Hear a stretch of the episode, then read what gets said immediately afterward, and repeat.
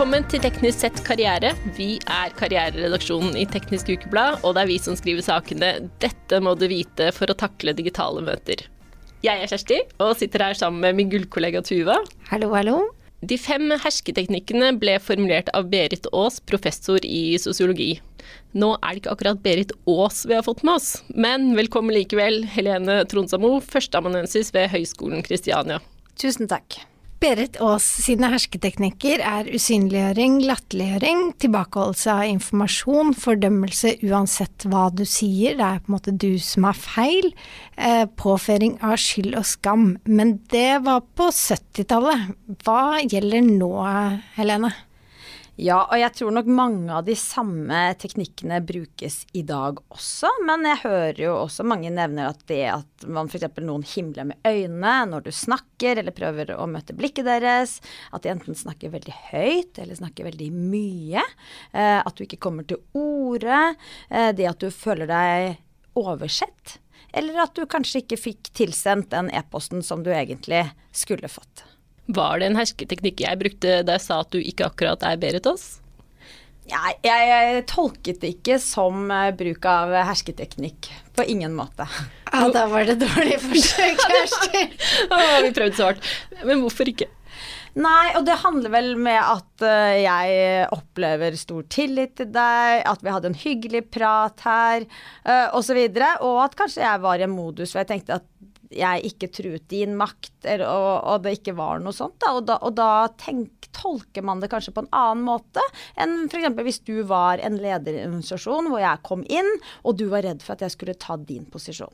Er det noen hersketeknikker som er vanlig i jobbsammenheng? Det varierer nok litt fra type yrke og bransje hva som er vanlig, men særlig det tilbakeholdelse av informasjon er det veldig mange som sier at de har opplevd. da. Kan du forklare det med et eksempel? Ja, det kan jo være f.eks. hvis man skal ha et møte, man skal diskutere ulike løsningsforslag, og så er det noen grunnlagsdokumenter da, og bakgrunnsinformasjon som kanskje blir sendt til enkelte av møtedeltakerne, ikke til alle. Noen blir ikke innkalt på alle møtene, slik at de føler at de sitter med mindre informasjon, og at det kanskje igjen føles at de ikke er like viktige i beslutningen, osv. Ja. Hva burde man gjøre da, hvis du sitter i et møte og skjønner at uh, her vet alle hva man snakker om, men ikke jeg? Det du ikke bør gjøre, er å tenke at jeg er dum, for jeg har ikke den informasjonen her. Så jeg bør enten skamme meg eller uh, holde munn. Det er det jo en del som da gjør. Og, og da får jo den som utøver den teknikken, akkurat viljen sin. Så det du bør heller si, vet du, hold uh, Nå må jeg bare be om en liten timeout her. For nå skjønner jeg at mange av dere har allerede vært på et informasjonsmøte, lest noen saksdokumenter. Jeg må ærlig innrømme at det har, de har ikke jeg sett, så enten så må jeg oversette. Eh, kan du si hvilken dato var det du sendte ut den informasjonen? Eh, hvilken dato var det du innkalt til møte? Hvem deltok på det møtet? For å nøste litt, og da har du ikke sagt at 'hallo, stopp en hal, nå er det hersketeknikker', men du sier bare saklig, ikke sant. Kan dere opplyse meg, har jeg oversett noen ting, eller var det slik at jeg ikke ble innkalt? Og så hører høre, ja, hvorfor var det slik at akkurat de ble innkalt til møte, og ikke meg? Ikke sant. Eh, det gjør jo at premissene for det møtet her blir helt annerledes enn det jeg har forutsett, fordi jeg sitter jo med mye mindre informasjon enn de andre. Uh, er det slik at dere ikke ønsker at jeg skal delta i det her? I så fall hvorfor? Uh, eller er det sånn at jeg kan lese meg opp på det, og da foreslår jeg i så fall at vi flytter det møtet her til neste uke, slik at vi alle stiller med lik informasjon. Er det andre hersketeknikker som er vanlig mellom kolleger, som er likestilte og som kanskje har lik tilgang til informasjon, da? Ja, og det kan jo være å overse, særlig hvis du er sideordnet og man kanskje rivaliserer litt, eventuelt om fremtidige opprykk. Så er det jo det kanskje å ta hverandres poenger, eh, det å kanskje overse når den andre kommer med noen gode argumenter, at du på en måte glemmer å høre på det og heller igjen bruker de som dine egne i neste runde. Det kan være det å snakke høyt, ikke gi ordet, eh, ikke involvere. Det er jo mange En lang meny. en lang meny. Hvis vi sitter i et møte, og jeg er en litt sånn underdog, jeg fortjener å hevde meg, på en måte, hva slags hersketeknikker er det innafor å bruke? Hva er det jeg har som jeg kan bruke til å hjelpe meg opp og fram? Ja, og det er jo vanskelig å råde noen til å benytte seg av hersketeknikker, da. Fordi andre kan føle seg veldig truet av det, og det kan spille negativt tilbake til deg selv. Ja, så, men hvis du blir herska med, da, og, og, noen er jo ganske drøye på å herske, eh, og du føler deg hvordan skal du møte dette her, da er det jo veldig fristende å prøve å herske litt tilbake, da.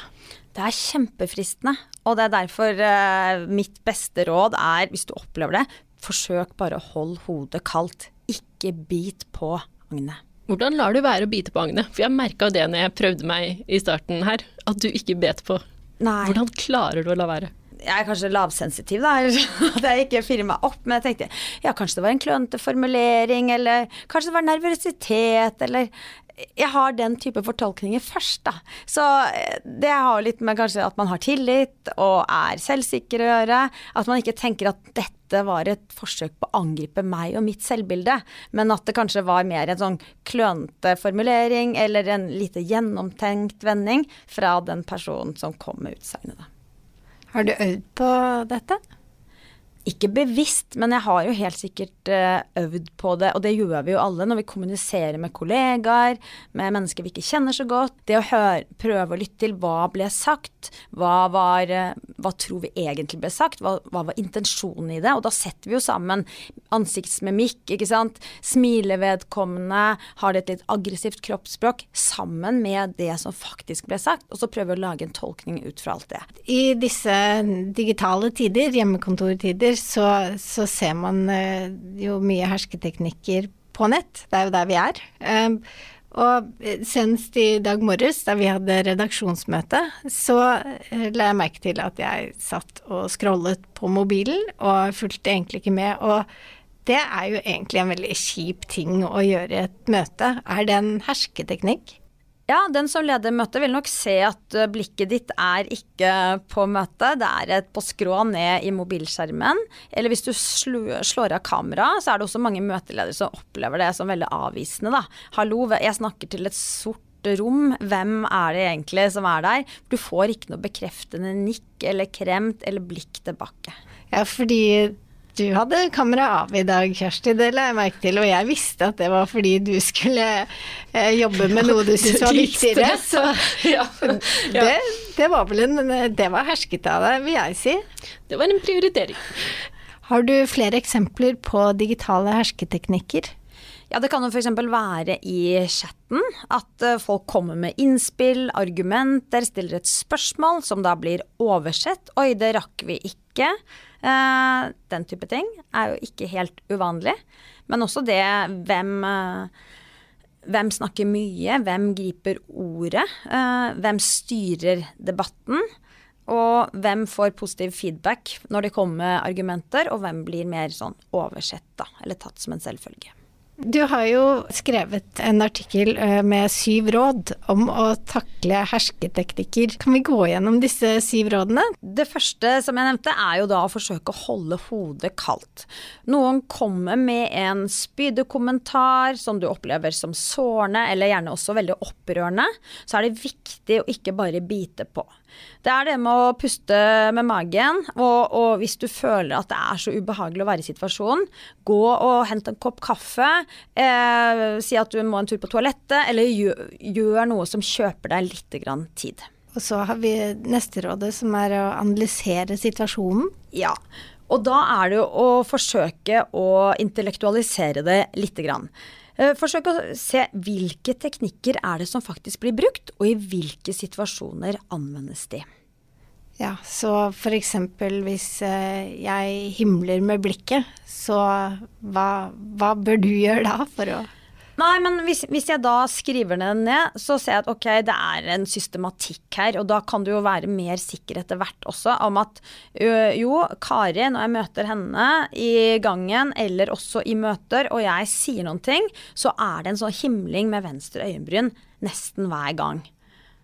Og da blir det nesten morsomt, ikke sant. Fordi Kari er sikkert ikke klar over at hun gjør det engang. Men jeg kanskje nesten noterer det opp og blir veldig bevisst det. Og da også, hvis du skal eh, ta en prat med Kari litt senere, kan du si at vet du, nå har jeg observert deg de siste to månedene. At det er veldig mye himling med høyre øyebryn hver gang jeg kommer med et argument. Og du er sikkert ikke klar over det selv, Kari, men for meg så blir det ganske så massivt da, når det, når det skjer så ofte. Gjerne flere ganger daglig. Og så har du det fjerde rådet, som er å snakke med noen. Hva mener du da? Som Sigrid Solund eh, har skrevet om, ganske mye om hersketeknikker, så sier hun at hersketeknikker det har en tendens til å treffe oss i magen. da. Det treffer oss ikke i hodet, men det treffer oss i hjertet eller i magen. Og det betyr også at du kan bli veldig sånn såret, og du kan føle deg veldig alene når du føler, øh, føler deg utsatt for disse teknikkene. Så det å dele det med noen kan være ganske nyttig. Og da bør du jo helst oppsøke noen som du stoler på, gjerne som også du har som kollega, men som kanskje ikke er helt inn, tett på eller involvert i disse teknikkene. Som du rett og slett kan si at vet du, når jeg møter Kari, og jeg ser det øyenbrynet går opp eh, langt opp i hårfestet omtrent, hver gang jeg prøver å, å komme med et saklig argument, så oppleves det så massivt. Har du lagt merke til det? Og diskutere litt. Grann. Jo, faktisk, hun gjør det til meg òg. Kanskje den sier nei, vet du, det har jeg ikke sett. Ok, men neste møte kan du også være med og se. Skjer det når, spesielt mye når jeg snakker, eller gjør hun det generelt når andre også kommer med sine argumenter? For eksempel. Ja. Og Sigrid Solund, det er jo da programleder i Dagsnytt 18 som har skrevet en veldig god bok om hersketeknikk. Eh, så har vi sagt det. Og så har vi da råd nummer fem. Der sier du la deg ikke syke ut. Ja, for det er veldig fort gjort når noen, liksom en kanonkule treffer deg i magen eller hjertet, så er det veldig lett å tenke at er det jeg? Er jeg håpløs? Er jeg lite verdifull? Har jeg lite å, å bidra med? Er det derfor jeg blir utsatt for dette? Og det er nærliggende, mange tenker det, så, så bare vær bevisst at de, den type negative følelser, det er helt vanlig å oppleve når man blir møtt med hersketeknikker. Tenk heller at dette handler om at noen er redde for tap av makt. Og du er nok antagelig ofte da til stede når dette trigges hos den som utøver teknikkene. Så er det indirekte et kompliment, da? Ja, fordi veldig mange sier at vet du, jeg trodde ikke det fantes så mye bruk av hersketeknikker, men det var før jeg kom inn i ledergruppe. Nå ser jeg at det fins likevel. Så egentlig kan du ta det litt som en kompliment. Det er som regel som de som på en måte er i gang med sånn, litt sånn karriereklatring, som kommer inn i et styre, som oppleves som en utfordrer. Det er de fleste der, i den type situasjoner, som sier at de kjenner spesielt på det. Og så har vi råd nummer seks som jeg syns er veldig fint. Snu situasjonen. Hva, hva gjør man da? Ja, og det er litt på bakgrunn av forrige. At, Hvorfor er det noen som føler behov for bruk av disse teknikkene? Jo, kanskje de ikke føler at de får nok anerkjennelse, ros, at de ikke blir sett selv. De føler seg truet. Så hvis du klarer da å heller anerkjenne Kari for at hun uh, måtte ha forberedt et møte veldig godt. At hun er veldig kunnskapsrik, at hun er morsom, at hun har bestilt en fin firmatur til oss som vi skal på alle sammen. Hun har helt sikkert gjort mye bra også, selv om hun på en måte utøver noen hersketeknikker. Så gi henne ros for den atferden hun har som er veldig bra. Uh, anerkjenn henne, gjerne overfor andre også, mens andre hører på Det er veldig få som føler seg eh, fristet til å utøve massive hersketeknikker mot noen som gir deg ros. Og så har vi råd nummer syv, som er å konfrontere vedkommende. Ja, og det er en grunn til at det er mitt siste råd og ikke mitt første råd.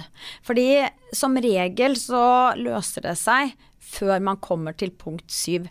Eh, hvis du har prøvd å gi ros, du har prøvd å gi anerkjennelse, du har prøvd å holde hodet kaldt, du har prøvd å analysere situasjonen, og du likevel, den atferden fortsetter, så kan det være nødvendig med en konfrontasjon. Særlig hvis det er en kollega eller en leder av deg som du ser daglig, og som du på en måte er helt avhengig av å ha et godt samarbeid med. Og da bør man heller da be om et møte og forsøke å stille undrende spørsmål. Det vil si at jeg sier du kommer jo her og bruker hersketeknikker mot meg. Det skal man ikke gjøre. Forsøk heller, vet du. Det er sånn at når jeg er i møte med deg, og jeg prøver å presentere mine argumenter på en saklig måte, så opplever jeg ofte at f.eks. øyenbrynene går opp, eller at du ser på klokken. Du gjesper kanskje. Jeg føler liksom ikke at du er så åpen for å ta imot det jeg kommer med. Det, det, og ta gjerne for gitt da at den du som utøver hersketeknikkene, ikke er dette selv bevisst. Så ha det i bakhodet. Og så lytt, ikke sant. Du, da har du sagt det du skal si, og så lytt til hva den andre har å si. Ofte blir de sånn perplekse. Det er litt flaut ikke sant, å bli tatt på det. Har du et eksempel på en hersketeknikk som du har blitt utsatt for selv? Ja, jeg har opplevd at en leder f.eks. har snakket veldig høyt og veldig lenge, og når jeg hadde tegnet meg på en tallliste, så var det plutselig ikke tid til at argumentet kunne bli fremført. Hva gjorde du da? Nei, jeg må innrømme at jeg bare tenkte for meg selv at det der er en leder som føler seg litt truet og er litt redd. Det, er, det, det er, høres ut som du er veldig god på den, det kalles vel mentalisering, og, og tenke rundt hva var det som egentlig foregikk i hodet på den andre, hva var egentlig årsaken? Ja, lite forbilde der, eh, tenker jeg. Men ja, så det var det du hadde å si om hersketeknikker. Ja ja, men takk for at du var med, tross alt, Helene Tronstad Moe. Tusen takk.